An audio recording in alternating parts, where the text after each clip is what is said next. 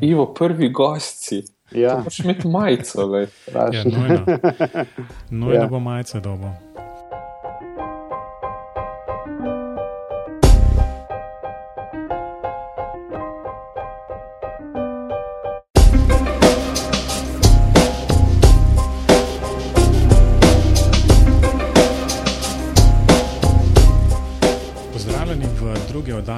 Oddaji podcasta BIM Pogovori, v kateri se z gosti sproščeno pogovarjamo o informacijskem modeliranju zgrad in informacijsko-komunikacijskih tehnologijah v gradbeništvu. V oddaji bomo govorili o programu Autodesk Revit, razvoju programskih rešitev za Revit, uvajanju uporabe BIM-a v prakso in še marsičem. Z vami sva Robert in Mateoš.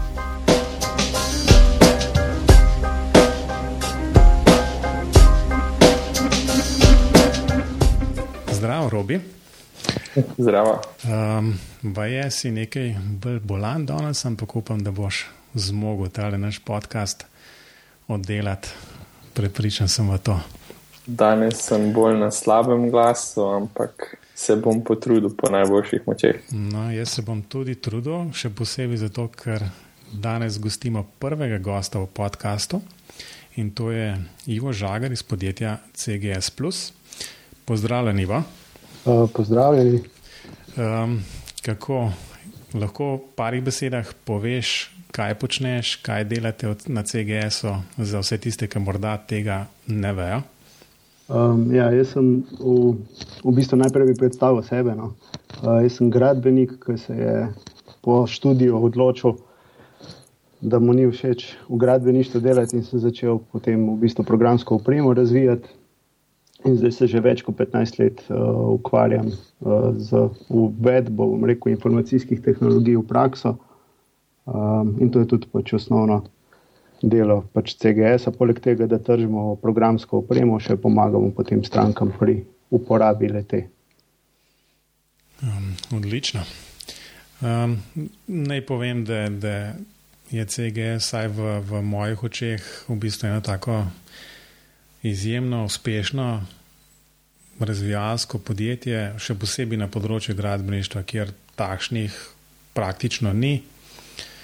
In danes sem večkrat si več časa vzel in na spletni strani našel kup, cel kup zanimivih stvari, od recimo alternativ Autodeskovim programom um, in tako naprej. Tako da je pač zelo zanimiva zadeva, ki jih morda do zdaj sploh nekako nisem poznal. Uh, jaz bi na tem mestu še dodal, da se z Ivom poznamo že dlje časa, zato se bomo danes stikali, um, pa upam, da ne bo poslušalce to motlo. No, mislim, govor je o sproščenem pogovoru o informacijskem modeliranju zgrad. Torej, mislim, da, to, da to zajema zraven.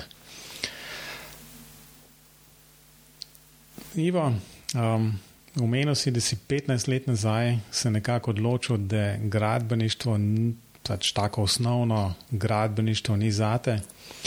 Um, lahko mogoče opišeš, kako je nekako enemu gradbeniku, ki morda jasno nagnjen v, v recimo ta računalniški del, že skozi študij, kako je nekomu prid v eno tako okolje CGS-a, kjer um, je tradicionalno zelo, recimo, računalniško usmerjeno, um, na vsak način pa v gradbeništvu.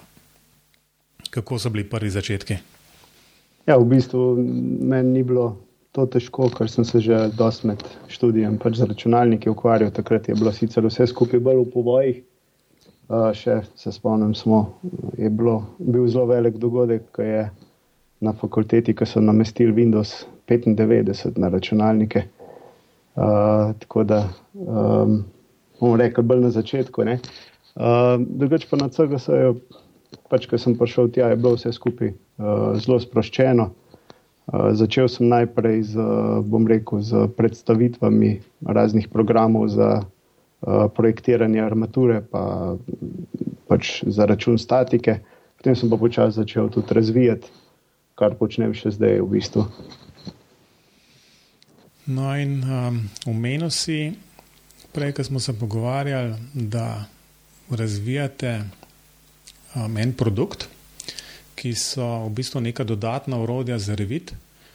Um, jaz sem očitno živel v, v čudnem prepričanju, da revit praktično obsega vse, kar en tak gradbenik, arhitekt um, potrebuje za, za delo v, v BIM okolju. Ampak le na spletni strani vidim, da ponujate cel kup enih dodatkov, nekih pluginov, verjetno, um, ki, ki ta revit nadgradijo z marčičem. Lahko kakšno stvar pač poveš o tem. Ja, zdaj v bistvu najprej bi to povedal o revitu, pa v vseh programih, ki obstajajo, pač so v osnovi sami po sebi uporabni, ampak po ne vem, recimo, nekaj časa, ko človek uporablja program, ugotovi, da se da določene uh, taske pač seveda uh, poenostaviti ali pa narediti, da se izvajajo avtomatsko. In tukaj pa pač prijemo mi, programeri, potem zraven. Se pravi, uh, najprej treba analizirati, kaj človek počne, kaj se pač da avtomatizirati. Uh, pa pa, ko imamo v bistvu ta podatek, lahko to zadevo zautomatiziramo, se pravi, koliko program to omogoča, ne? ker so tudi v bistvu določeni programi, ki so dovolj zaprti, pa nimajo uh, API-ja in se to ne da narediti. Jaz bi se vrnil samo malo nazaj. Um, glede na to, da si omenil, da že 15 let si v teh vodah, potem bi pričakoval, da si vsaj začel na enem drugem programu in to je verjetno na AutoCAD-u. Um, zdaj pa preden začnemo več govoriti o Revit Tools, mene zanima, um, ker jaz sem namreč podjetje CGS najprej poznal kot razvijalca dodatkov za AutoCAD. A v AutoCAD-u še kaj razvija uh, CGS ali se je zdaj ves razvoj preusmeril v Revit? Uh, ja, torej, da, tako kot si omenil, sem jaz začel pač programirati v AutoCAD-u. Eh, še vedno imamo neki produktov, ki so v AutoCAD-u, ki tečejo v AutoCAD-u, ampak uh, se pravi, vse jaz osebno čim več, kar se da, pač delam v Revitu. Um, nekako sem se pač tudi navadil zdaj, uh, bom rekel, programskega jezika pa API, tako da mi zadeva dost leži. Um, Drugič imamo pa še en kup pro, programske opreme, recimo vem, Pleteja je vsem poznana po Sloveniji, uh, produkt za projektiranje cest ta je v AutoCAD-u, uh, tako da pač še vedno to obstaja. No. In tudi, recimo, en mogoče zelo zanimiv podatek. Ne, v, svet, v svetovnem merilu, ne samo pri nas, uh, Autodesk še vedno proda več kot polovico pač vsega svojega uh, prometa. Je, je, v, v bistvu njihov, več kot polovica njihovega prometa je auto, AutoCAD, AutoCAD in AutoCAD Lite. Odlično, najlepša hvala za informacijo, ker to me vedno zanima, pa, pa nisem nikoli zbrskal tega podatka. Um, zdaj, če smo ravno še pri pleteji, um, pa eno zelo tehnično vprašanje, ki pa mene muči. Um, vem, da včasih je bilo vse razvito v Lispo, avto Lispo. Um, kako je zdaj? Se to še v avto Lispo dela, potanovno v avto CAD-u, ali je to zdaj še VBA ali je kaj tretjega, ker omes je bil že, kaj je bil že. CRX ali neki tasga, nek C++-ovska knjižnica je bila včasih. Tako je. Ja. Zdaj v bistvu pleteje v C++ razvita. Uh, jaz osebno sem pa začel uh, v bistvu programirati v Visual Basicu. Uh, to smo se tudi pač na fakulteti naučili, tako da sem potem naprej se pač razvijaš, pa iščeš druge uh, programske jezike, ki ti bolj ležijo ali pa so bolj uporabni.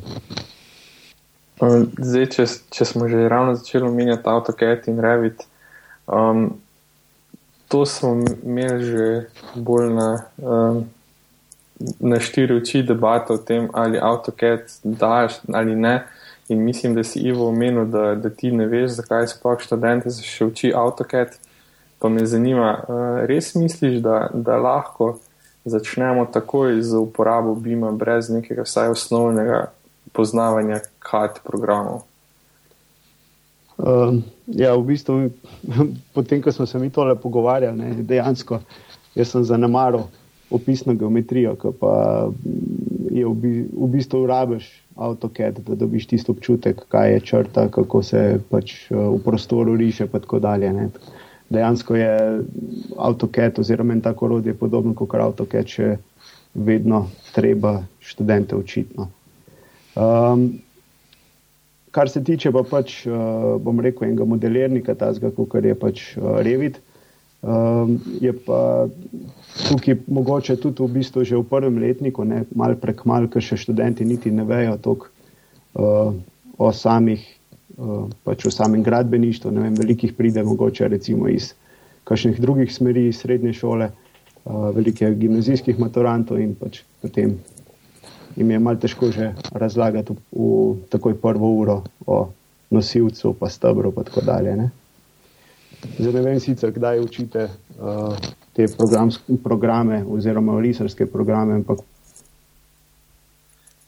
Jaz mislim, da si ravno kar odprl, oziroma um, ne odprl temo, ampak da si sam odgovoril, si odgovoril, zakaj je potrebno študente najprej začeti učiti CAD programe.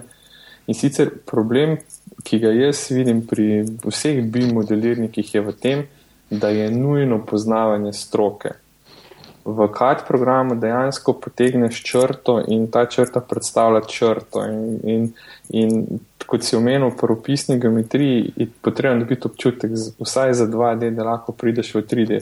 Pri BIM programih je pa še ta težava, da dejansko brez poznavanja pravil stroke ne moreš, um, na, v bistvu ne dobiš iz BIM programa prav nič oprijemljivega. Tako da jaz mislim, da, da si prav zadev, zadev glavno težavo in uh, zakaj jaz še vedno zagovarjam, da morajo študenti gradmiča začeti s kadom, se pa strinjam, da bi bilo nujno nadaljevati v BIM, ampak to mogoče, mogoče zagotovo ne v prvem letniku, mogoče celo še na drugi stopni. Mm, ja, ena stvar morda, da se navežemo na te študente in znanje različnih programov.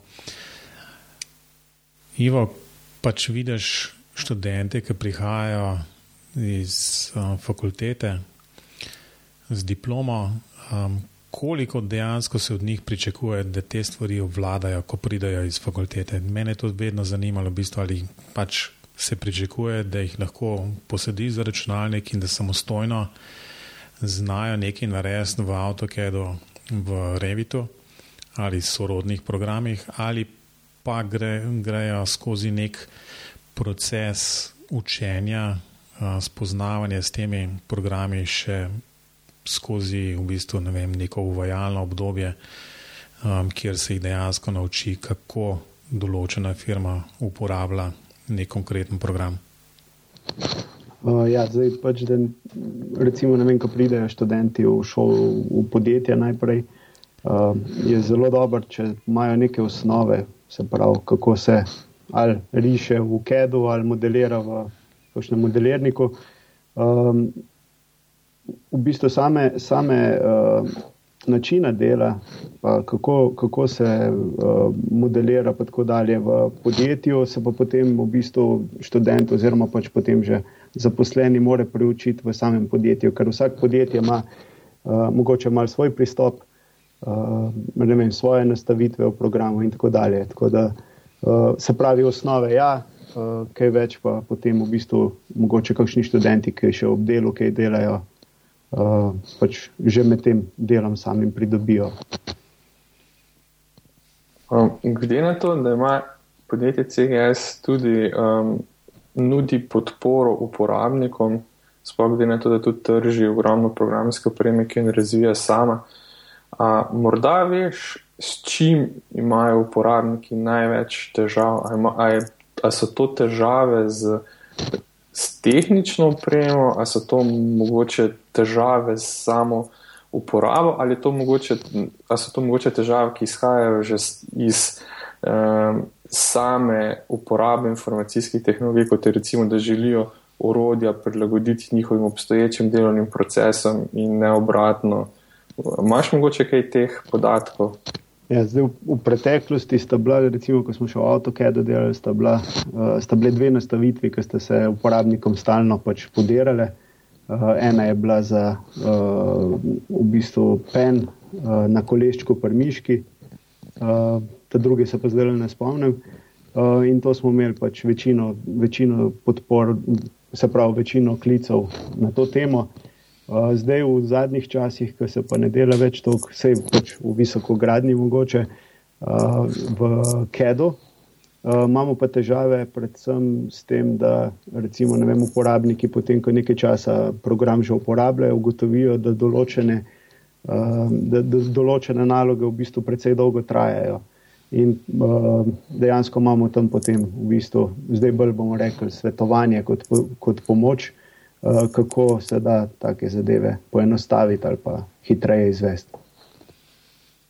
Pa se morda opazi kak trend, da, da uporabniki lahko s pomočjo spleta um, večino težav rešijo sami, ali še vedno kličejo tudi za manjše težave? Uh, ne, to se pač seveda opaža, se tudi sami, tudi mi v bistvu kakšno težavo rešimo tako, uh, ker dejansko pač vsega ne moš vedeti, recimo ne vem, kakšne bolj zapletene stvari, tako kot postavitev serverja ali kaj tasga uh, najlažje najdeš na spletu, seveda. Ne? Uh, rešitve. Pardon. Ok. Um, kaj gremo malo na revit pogledati? Um, v bistvu ena par stvari imam čist konkretnih vprašanj. Um, Pri meni se je v pisarni pred časom oglasil en kolega in me je začel spraševati o revitu um, in sorodnih BIM-ov programih, um, predvsem okoli združljivosti z drugimi urodji, oziroma kaj Autodesk kot razvijalec Revita ponuja za ne vem, strojnike, za neke izračune energetske učinkovitosti, ali se te stvari delajo po slovenskih standardih oziroma evropskih standardih in tako naprej. Lahko enih par stvari samo v, v, v tej smeri um, poveš? Ja, zdaj Autodesk v, bistvu v zadnjem času priporoča ali pa kar v bistvu prodaja uh, tako imenovan suite, uh, v bistvu, ki je paket uh, vem, več kot petih programov, zdaj pač odvisno, v kateri različici se odločite to vzeti. Ampak dejansko so noter programi od pač modelirnikov, potem recimo vem, uh, program za uh, pregledovanje modelov, pa recimo statične analize in tudi za strojno, v bistvu recimo inventor v osnovni različici je uh, uh, v bistvu vključen v ta paket. Tako da bom rekel, združljivi so te programi med sabo do neke mere, se pravi, uh, uh, ne vem, z, ali če, če v osnovi v bistvu vedno lahko prenesemo iz enega programa v drug program, nek DXF ali pa DVG, se, se pravi um, neko 3D geometrijo, medtem ko pa če bi želeli parametre, je pa treba že potem v bistvu malo več znanja ali pa uh, mogoče še kakšen dodatek na programirati, ki to prenese. Um, kar se tiče pa pač uh, drugih orodij, tako kot so pač uh, energetska analiza, potem recimo tudi za uh, statične analize, pa že tudi Autodesk sam, sam ponuja uh, bom rekel, oblačne rešitve, uh, s pomočjo katerih v bistvu iz modelirnika mi podatke uh, izvozimo rekel, na ta server, kjer se potem ta analiza izvede. Recimo en tak lep primer je mogoče uh, program za, oziroma uh, uh, servis za uh, renderiranje. Uh, ki v bistvu, recimo, če lokalno renderiramo v Revitu, bi recimo model rabo, ne vem, kakšno uro ali pa še kaj več, ko damo pa vse skupaj na, uh, se pravi na server, oziroma pač pošljemo Autodesk, pa to v parih minutah gotovo. Okay. Um, omenil si nek, recimo, dodatni razvoj, um, pač recimo za prenose ali pa za avtomatizacijo določenih opravil znotraj teh programov. Um, kako je pa zdaj s temi, kako je zdaj s tem v bistvu, ali se to še vedno um, razvijajo pač v nekem VBA-ju oziroma v Visual Basicu, ali so, so te stvari mogoče bolj odprte tudi na druge, recimo skriptne jezike, um, ki so recimo bolj splošni. Ja, zdaj pač tlele. Uh... Je možnosti več, pač uh, mi razvijamo konkretno v C-Sharpu, potem v bistvu uh, dobimo neke knjižnice, neke plagine, ki jih uh, uh, bomo rekli, namestimo na, na računalnike, drugače se da pa tudi v kakšnih skriptnih jezikih, recimo vem, uh, Python, vem, da je uh, Matej že všečne. ja, to uh, tako, da, tako da pač uh, to obstaja, ali pa kakšen Dynamo, recimo, ne vem, kaj je pa tudi neke vrste programski jezik, bom kar rekel, uh, za avtomatizacijo. Okay. Um, zdaj, omenil si tudi Dynamo, loše mogoče, ker se mi zdi, da Dynamo ni ravno splošno znano urodje, saj ne verjamem, da ga študenti kaj spoznajo. Um, lahko mogoče v parih stavkih poveš, kaj ta zadeva omogoča. Ja, v bistvu Dynamo je, uh, bom rekel, kar uh, pro, programski jezik. Eh, na katerem v bistvu na nek vizualen način sestavljamo programsko kodo. Ne vem, pač vzamemo recimo uh, nek, nek del kode, ki prebere iz modela določeno zadevo, jo potem v bistvu lahko recimo premelje in jo zopet nazaj napiše, zapiše na drug način. To je tako zelo na, na kratko razloženo, drugače pa v bistvu. Um, ta ideja, bom rekel, enega tazga uh, uh, programskega jezika že uh, uh, je že zelo stara, recimo, vem, podobna zadeva je Grasshopper za, uh, Rajno, za Rajnota. Um, ok, Robi, kakšno vprašanje? Ja, jaz imam še eno vprašanje in sicer um, zdaj govorimo veliko o Revitu. Imel sem pa priložnost pred kakšnim tednom, slabim tednom, sem bil na enem predavanju, kjer je predaval Ivo in sem bil kar malce presenečen, da pri pripravi enega takega modela, da ni, ni bil uporabljen samo Revit, ampak sem videl, da je uporabil v bistvu celo paleto programov iz tega Autodeskovega paketa oziroma svita. Um, pa me zanima, ali je res potrebno pri vsaki izdelavi tega modela uporabljati, ne vem, takrat se spomnim, da si uporabil, mislim, da celo tudi AutoCAD, pa potem neki Civil 3D da si potem prišel do Revita.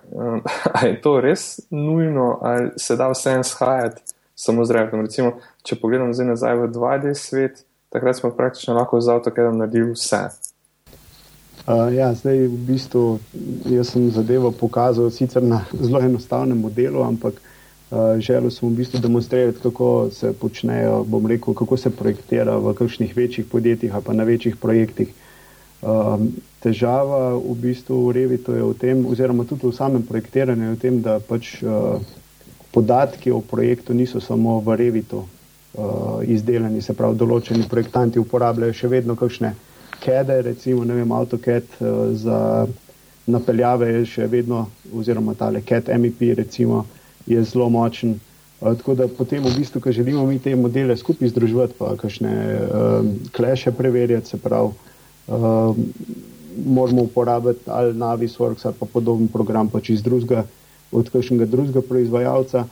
Um, Dočim pa AutoCAD sam je pa vedno, v bistvu še vedno, bom rekel, najbolj enostaven program za uh, projektiranje, kjer pač mi lahko ali prečistimo določene podatke, ki jih dobimo, ne vem, podloge za recimo teren je bil konkretno problem, uh, ali pa pač, uh, ne vem, samo vzamemo pač del, del načrta, ki nas zanima, ki ga potem v bistvu urevito vozimo in potem zmodeliramo stvari okrog ali pa pač s pomočjo tiste podloge. Če se ne motim, smo tudi govorili o tem, da je Autodesk zdaj z letom 2016 totalno spremenil svoj model nakupa oziroma zdaj se v bistvu programsko oprema najema. Eh, pa me zanima, v teh paketih najema, ali so to vsi ti programi, ki jih en tak projektant potrebuje, so vsi na voljo znotraj tega paketa, ali se ti paketi razlikujejo in, in je potrebno pač malo pregledati, kaj v katerem paketu dobiš. Uh, ja, zdaj v bistvu v tem building design suitu je dejansko recimo od nizkogradnje do uh, visokogradnje statike, mogoče celo malo strojništva zraven.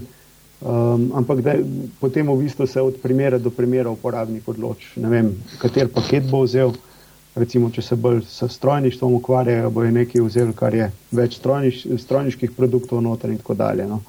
Ampak načeloma, načeloma je, bilo, je pač tu tendenca pač, uh, vem, splošnega, rekel, splošne uporabe programov v tem, da imaš več programov, za, s katerimi pač, vem, uporabi program, ki je najbolj primeren za tisto delo, ki to je zagovarjam. Se pravi, vem, za AutoCAD, za neko risbo počistiti na um delu tega v Revitu, če imam AutoCAD, lahko to AutoCAD, ne vem, parkrat hitreje naredim. Um, ja, pri tem, pri tem mene zmeraj um, tako skrbi razno razne prenašanja, v bistvu takoj, ko, ko začneš kombinirati Revit z AutoCADom, um, nekaj, nekaj konkretno črte ali pa vsaj recimo 3D, neki takšni klasični elementi, neka, neka telesa. Um, napram Revitu, kjer so pa pač vemo, kaj je noter. Um, Pač gradbeniški elementi od strehe, oziroma pač od stebrov, okn, vrat in tako naprej. Tako da, um, Verjamem, da se pa to da narediti, ampak ne boš mož to predvsej s pametjo tudi početi. Uh, ja, se te v, v bistvu tle gre mogoče bolj za to, recimo, da dobimo neko situacijo ali pa neki idejni projekt, recimo, ki je bil v AutoCAD-u zasnovan in potem ali pa pač neko obstoječe stanje, na katerega se navezujemo. Tako da dejansko uh, se mi ne ukvarjamo s tistim, kar dobimo. Rabimo samo pač nek, nek podatek, da začnemo projektirati lahko sami. Ne? Ja, razumem. Okay. Um, mogoče, mogoče tukaj imamo še nekaj vprašanj, pripravljenih za um, Revit Tools, um, se pravi za delo, kaj razvijate.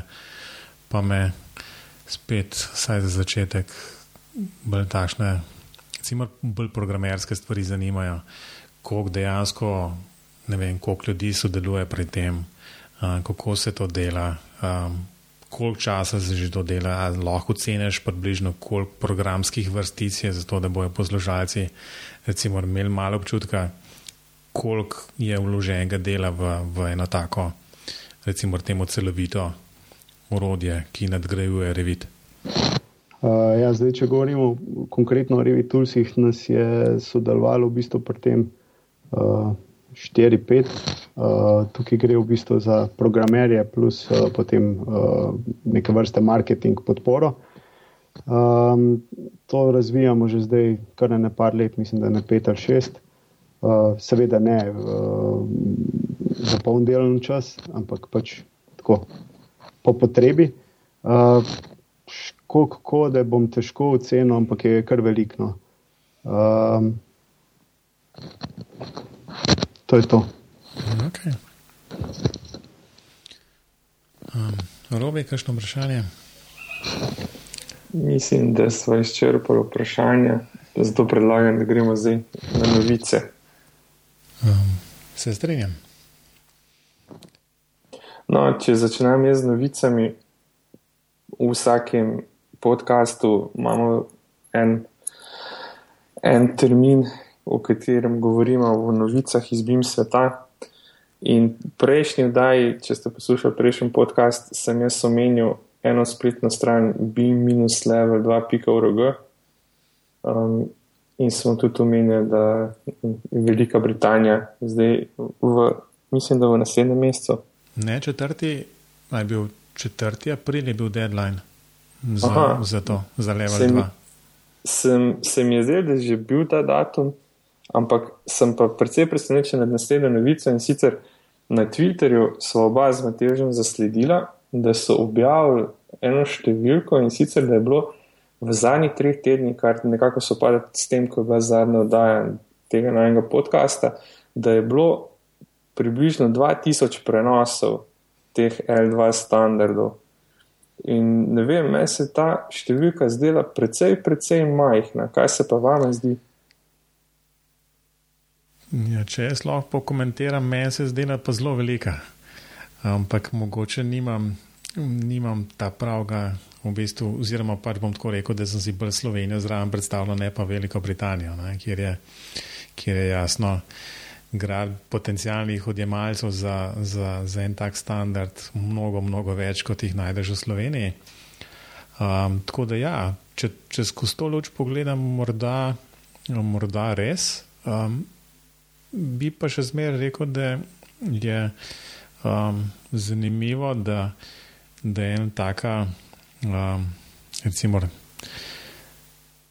celovita, celovit pristop v bistvu k temu, da želijo propagirati to, da želijo v bistvu dejansko pomagati uporabnikom, da te stvari izpeljajo, um, da je to mal pozno so se tega lotili, um, ampak da, da v bistvu so se pa kar celovito no? in da, da um, mislim, sem zasledil, da imajo pač um, tudi neke deadline potem do do decembra 2016. Um, zdaj le sem pozabil točno, na kaj se tisto nanaša, ampak zdi se mi, da so se oni tega resno lotili in da ne mislijo tega, kar pozabiti in pomest pod preprogo, kot v smislu, ja, ne vem, toliko in toliko firm še ni pripravljenih, da imamo mi to predstaviti za tri leta. Da tega nekako niso pripravljeni več početi, kar je meni se zdi zelo, zelo pozitivno. Mislim, da se bo v naslednjih mesecih, ko bomo imeli nove razpise za te projekte financiranja z javnim denarjem, da se bo zelo hitro pokazalo, ali mislijo resno s temi standardi ali ne. Me pa zanima, kaj Ivo misli. Je številka 2000 velika ali majhna? Uh, ja, zdaj odvisno, kako gledamo. Recimo, vem, pač po enih podatkih ne bi recimo v Londonu bilo 20 tisoč arhitektov. Ne? Uh, in če gledamo, recimo, da je v eni firmi povprečno 100-200 arhitektov, potem je ta številka kar visoka, ker po firmah je tako ponovadi, to se par, par ljudi ukvarja s tem, recimo, ne vem, dva, tri, ne. Uh, se pravi, ne vem, tisoč podjetij, ne, če na hitro zračunam. Ne. Ampak, ne vem. Uh, se pravi globalno gledano, oziroma pa če še gledamo tukaj zraven, ponovadi vem, da se pač Evropska unija cela potem nekako po uh, Veliki Britaniji zdaj zgleduje, je pa teh downloadov zelo malo. Mislim, da samo slabo zmarketiran, uh, zmarketirana stran. Zdaj, ko je to na Twitterju, bo tega seveda več. No, ampak jaz sem tudi izhajal iz tega, da recimo eno od teh 2000 sem bil tudi sam. No, in če gledamo, da bo nas takih verjetno več, ki smo to iz redovednosti bolj kot ne prenesli, v tem primeru se mi zdi številka še nižja, ampak ja, nisem pa pomislil na to, da, da se mogoče ne ukvarjajo vsi s temi, da mogoče samo človek, dva iz vsakega podjetja to prenesete. Ja, to mogoče je za vprašati se, kaj, kaj v, v tem smislu dela Slovenija um, ali se kaj podobnega tudi tukaj pripravlja. Um, ne vem, Ivo, mogoče ti kaj slučajno iz prakse veš okoli tega.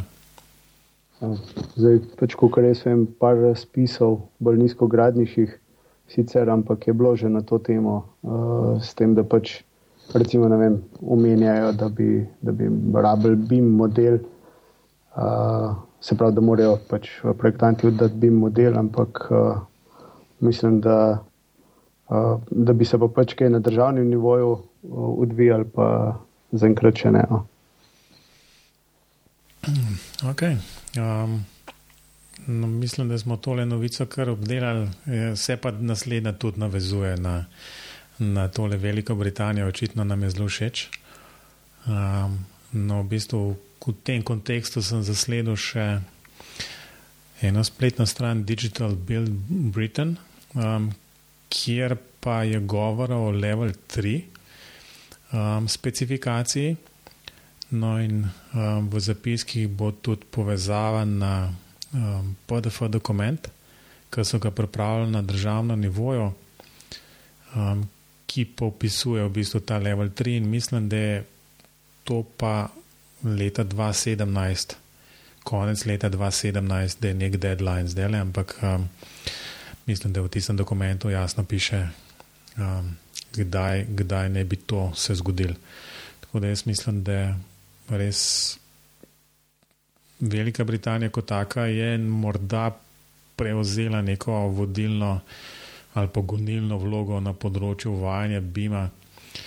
Um, mislim, da so skandinavci nekako, ok, oni so že to obdelali, najbrž že leta 2000, um, pa je končno zdaj prihaja dol proti jugu, mogoče da bomo enkrat uplazili še Slovenijo. Pa misliš, da so samo obdelali leta 2000, da so tudi implementirali? No, oni so kar implementirali, ker v vsaj, kar smo zasledili skozi razno razne evropske projekte, so se s tem zelo veliko ukvarjali. Zdaj, koliko pa dejansko to v praksi zaživeli, pa recimo, da ta trenutek niti ne morem reči. Ampak kot mogoče, mogoče ti kaj več veš o tem. Jaz žal tudi ne vem več kaj več o tem. Vem pa, da je blazno pomankanje kakršnih koli modelov, ki, s katerimi bi lahko vsaj dokazovali nek potencial Bima. Na to se navezuje tudi tretja novica. In sicer um, tretja novica, oziroma to novica lahko bi bilo tudi priporočilo, je pa ena povezava do GitHub repozitorija, na katerem bo lahko vsak našel celoten BIM model. Um, mislim, da je to rezultat enega magisterija um, in dejansko se najde gor vse datoteke, IFC, BFC, izvažanja. Če se ne motim, je bil osnovni model narejen v Arhikedu, potem pa so bili ti izvozi vse upravljeni. In pod, pod nekimi določenimi pogoji je ta model na voljo vsem in obljublja avtorom, obljublja vsaj, um, upam, da je resno, da je model pripravljen precej dober, čeprav me pa skrbi eno obvestilo, da so možne tudi napake v njem, ampak za kako testiranje, mogoče da se pokaže študentom, da se pokaže mogoče šefu ali pa zaposlenim, bi pa znal biti zelo primeren, zato sem ga tudi uvrstil sem na ta seznam. Teda, če bo koga zanimal ta model, lahko povezavo najde v zapiskih, pa si mogoče lahko prenese in pa pregleda, če mu morda koristi. Mogoče lahko tudi ga Ivo poskusi, koliko se v revi to odpre. Ja, to bom definitivno poskusil. No. ja, mogoče v, v povezavi s tem bi, bi mogoče Ivo vprašal še eno zadevo. Ne. Bim kot tak nekako obljublja zelo veliko in um, to, kar morda manjka, je pač nek seznam, neke, neke dobre prakse, tega, neki dobri rezultati. Um, in se mi zdi, da je problem vseh teh stvari, ki so nekako procesno orientirane, to, da so um, te pozitivni rezultati vidni šele čez leta. Um, Zmer je govora, ja, da je pa vzdrževanje potem mnogo lažje, če um, imamo enkrat takle BIM model, pa vzdrževanje nadgradnje nekih, nekih stavb, upravljene stavbami in tako naprej. Um, to za enega investitorja, ki pač mora vložiti predvsej veliko vsoto v, v samo, samo projektiranje, v samo izgradnjo. Um, nekako zelo težko ga je prepričati v to, da, da vloži še nekaj dodatnih sredstev, zato da bojo te načrti dejansko pripravljeni v, v takšni obliki, ki bojo potencialno gener, ge, garantirali neke, neko dodano vrednost po koncu same gradne. Tako da ne vem, a je.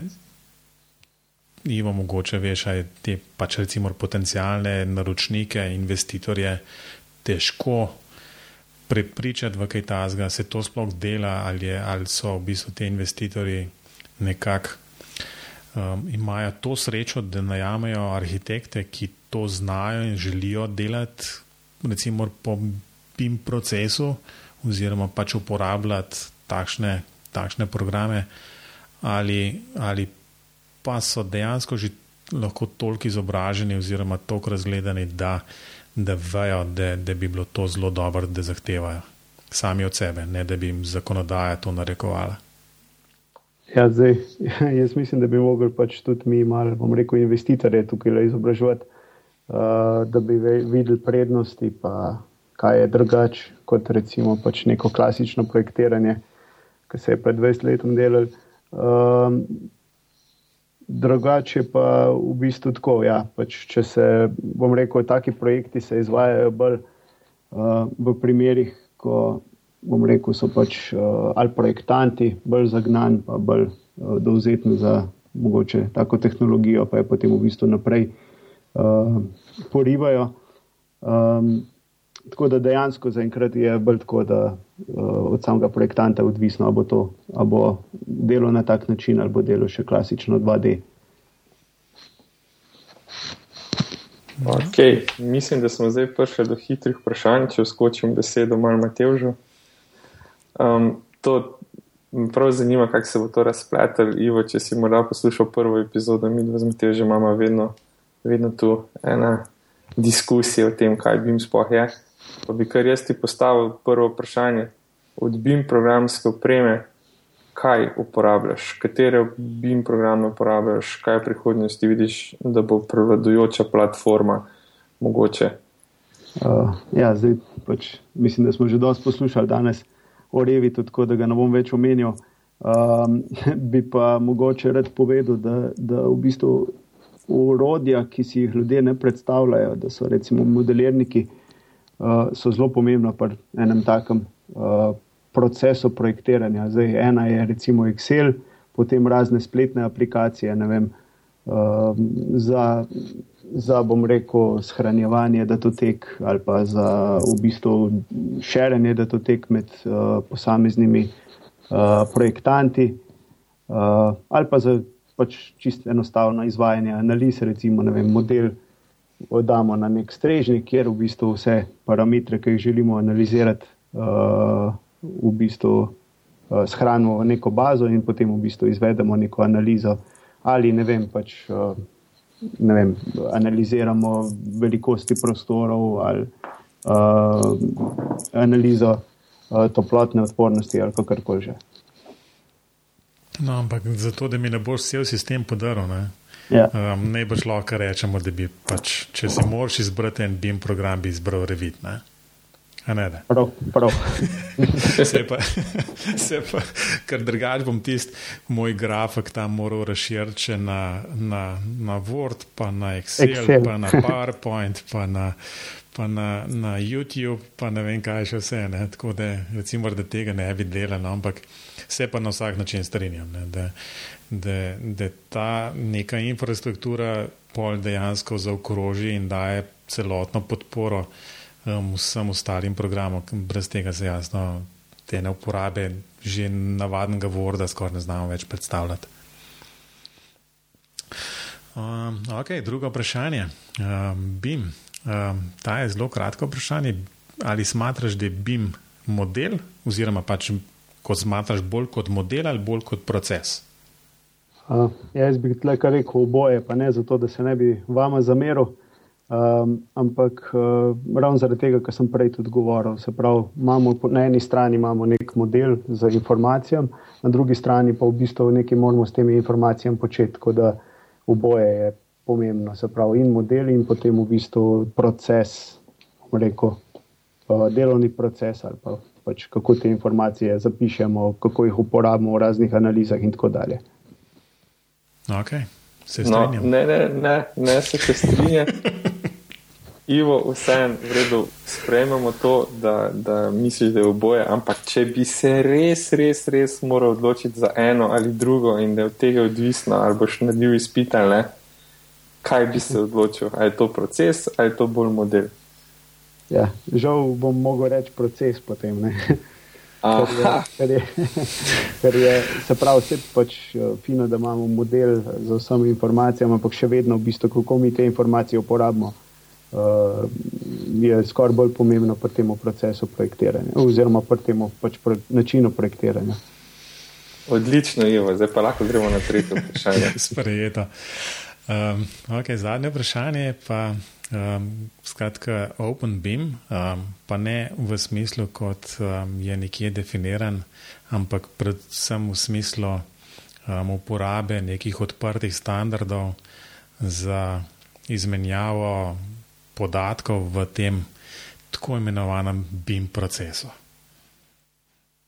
Um, ali, ali je tle prihodnost, ali se splača potruditi glede tega, ali pa v bistvu je najlažje, oziroma ne najlažje, najlažje je sigurno, ampak ali je prihodnost v tem, da um, rečemo, v redu, uporabljali bomo programe, avtodeskove programe, ki so po, recimo, po neki definiciji že med sabo um, kompatibilni. Um, ja, tle je zdaj pač, uh, jaz, jaz podpiram idejo uh, pač tega, da bi bil nek standard odprt, pa orodja brezplačna. Uh, ampak mislim, da gradbeništvo ni taka disciplina, kjer bi se to, kjer, kjer bi bilo, kjer bi se to dali izvestno. Se pravi, po eni strani nimamo investitorjev, ki bi bili pripravljeni v to investirati. Um, tako da bom, bom rekel, da je zdaj v bistvu uh, bolj pomembno, da imajo orodja, ki jih uporabljamo, uh, možnost nekega, v bistvu, neke poizvedbe v model, se pravi, da imajo API, da lahko mi recimo ne vem s svojim urodjem, ki ga razvijamo ali pa pač, ki ga bomo uporabili, te podatke iz uh, nekega drugega modela dobimo. In to je bil, mislim, zelo lep, lep primer. Je. Mogoče recimo so razna urodja za statične analize, uh, ki v bistvu po večini podpirajo IFC, ampak so se kljub temu v bistvu uh, vsi proizvajalci odločili, pa so sami napisali, bom rekel, dodatek za Revit, ki potem v bistvu model iz Revita vzame um, preko, preko tega pač nekega programske kode, ne preko IFC-ja. Ja, razumem. V bistvu namesto, namesto, da je celoten proces pač damo na nek skupni imenovalec, na, na tako imenovan nek standard, um, pač dejansko poiščemo samo načine, kako bomo pretvarjali z enega v drug format v, v trenutku, ko je to res potrebno, najbrž ne. Ok. Um, mislim, da smo tole zaključili. Hitro vprašanja so šla skoraj, ne vem, koliko je rezultat. Um, jaz zgubljam, definitivno, tale moj model ne gre nikamor.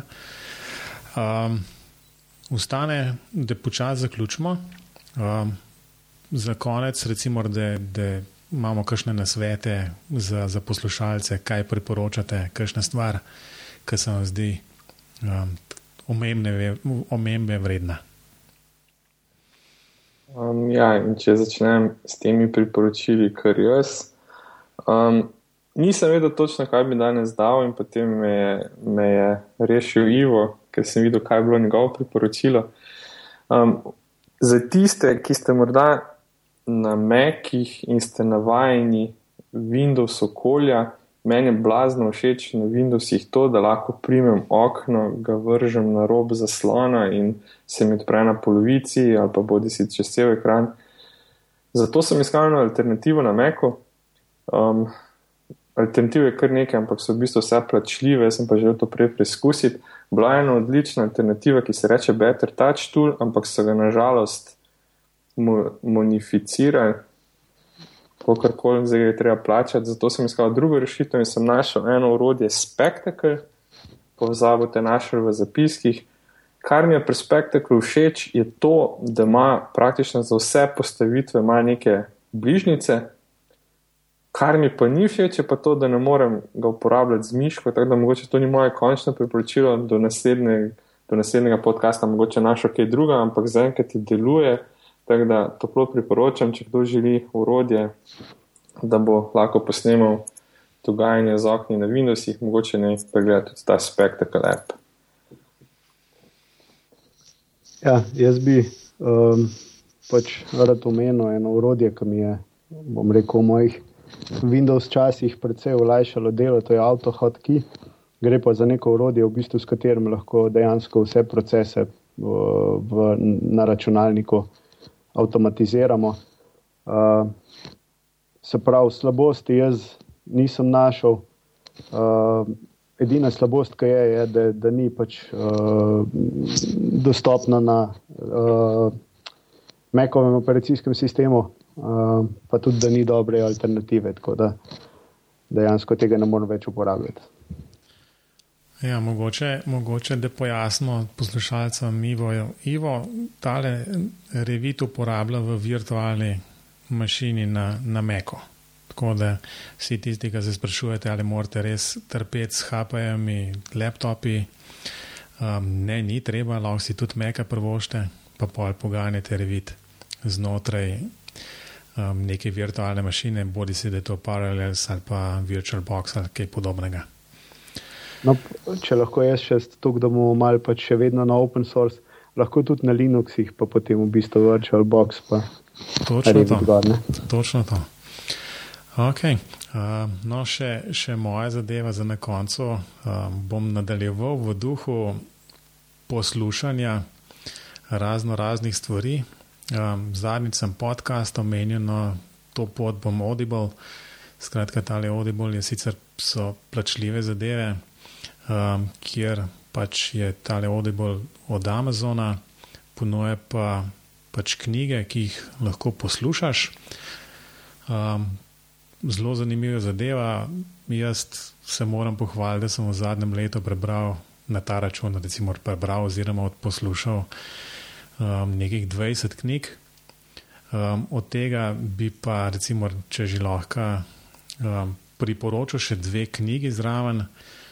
Um, ena je Smarter, Faster, Better: The Secrets of Being Productive in Life and Business. Um, Charles Duhek je tole napisal, zelo zanimiva zadeva, ki skozi par primerov um, opisuje, kako se lahko zgubimo v, v, v nekem tunelu, kjer ne znamo več ven, um, kjer pač razmišljamo o eni stvari in ne znamo videti neke širše slike.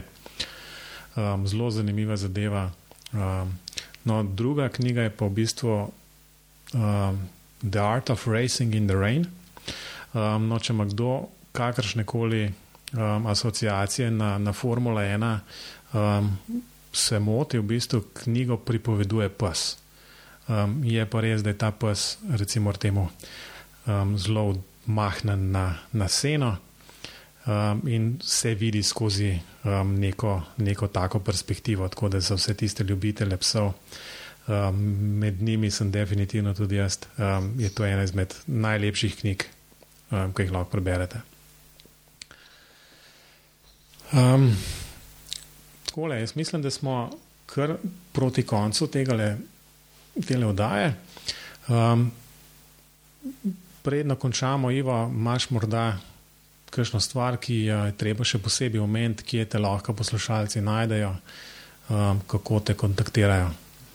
Zdaj, uh, vidim, da vsi v Twitterju govorite, zato bom povedal kar v bistvu svoj Twitter handle uh, afna, family, počrta editor. Uh, drugač pa se pravi, ne vem, uh, ena zadeva, ki bi še mogoče omenil, je, da, da več o uh, Revitu pa bimo mogoče lahko slišite tudi na CGS konferenci, ki jo tradicionalno pripravljamo pač vsako leto, letos bo to jeseni. Uh, zdaj upam, da to ne bo zvenelo preveč kot reklama. Uh, govorili bomo tudi o BIM-u, um, na splošno, ne samo o Revitu, pa o Autodesku. Um, drugač pa hvala za povabilo. Um, hvala Robiju, hvala Matevžu, da, tole, uh, da, da tale podcast snemata. Upam, da bomo vsi, ve, vsi skupaj več vedeli o BIM-u zdaj. Robi kje te lahko najdejo poslušalci? Ja, najprej se bom zahvalil Ivotu, predvsem zato, ker je pač potrdil, da je BIM proces. Drugače pa me lahko vsi poslušalci najdejo na Twitterju, ker sem Ed Robert Klinc. Um, ne tweetam samo v BIM-u, v bistvu tweetam vsem drugim, samo v BIM-u. Um, če pa kdo me res želi kontaktirati, me pa lahko kontaktira tudi na e-mail, ker sem pa robert at klinc.net. Super, hvala. Um, tudi jaz bi se za konec um, najprej zahvalil Ivo za, za to, da si vzel čas in um, nam povedal zelo za, veliko zanimivih stvari o CGS-u in o, o Revitu in razvoju in vsem, kar je s tem povezano. Na vsak način bi potrdil, da se CGS konferenca se je splačal udeležiti, tako da zapišite si, mislim, da je proti koncu septembra 2016, da je okoli 22. ali nekaj tasga, ampak to bo, bomo še o tem govorili, sigurno pred konferenco, tako da splača se priti na konferenco, vprašati stvari in jaz mislim, da so več kot kompetentni, da vam odgovorijo na vsa vprašanja povezana z BIM-om in tudi sami temi urodi, ki smo jih danes omenjali. Um, sicer, če kdo hoče mene um, nekako kontaktirati, lahko to naredi preko Twitterja ali pa po mailu, oziroma tudi spletne strani mateoždolenc.com. Mislim, da boste tam našli vse informacije, kjer, kje me najdete in kako me um, dobite. Um, glede BIM pogovorov, um, spletna stran bimpogovori.com smo tudi na Facebooku in Twitterju, tako da si želimo um, spostaviti oziroma za, začeti dialog tudi s poslušalci. Upam, da se čim prej spet vidimo. Tako. In tudi jaz se lepo zahvaljujem za poslušanje, upam, da se še slišimo. Hvala še enkrat, Ivo, in lep pozdrav. Adijo, Ivo. Adijo.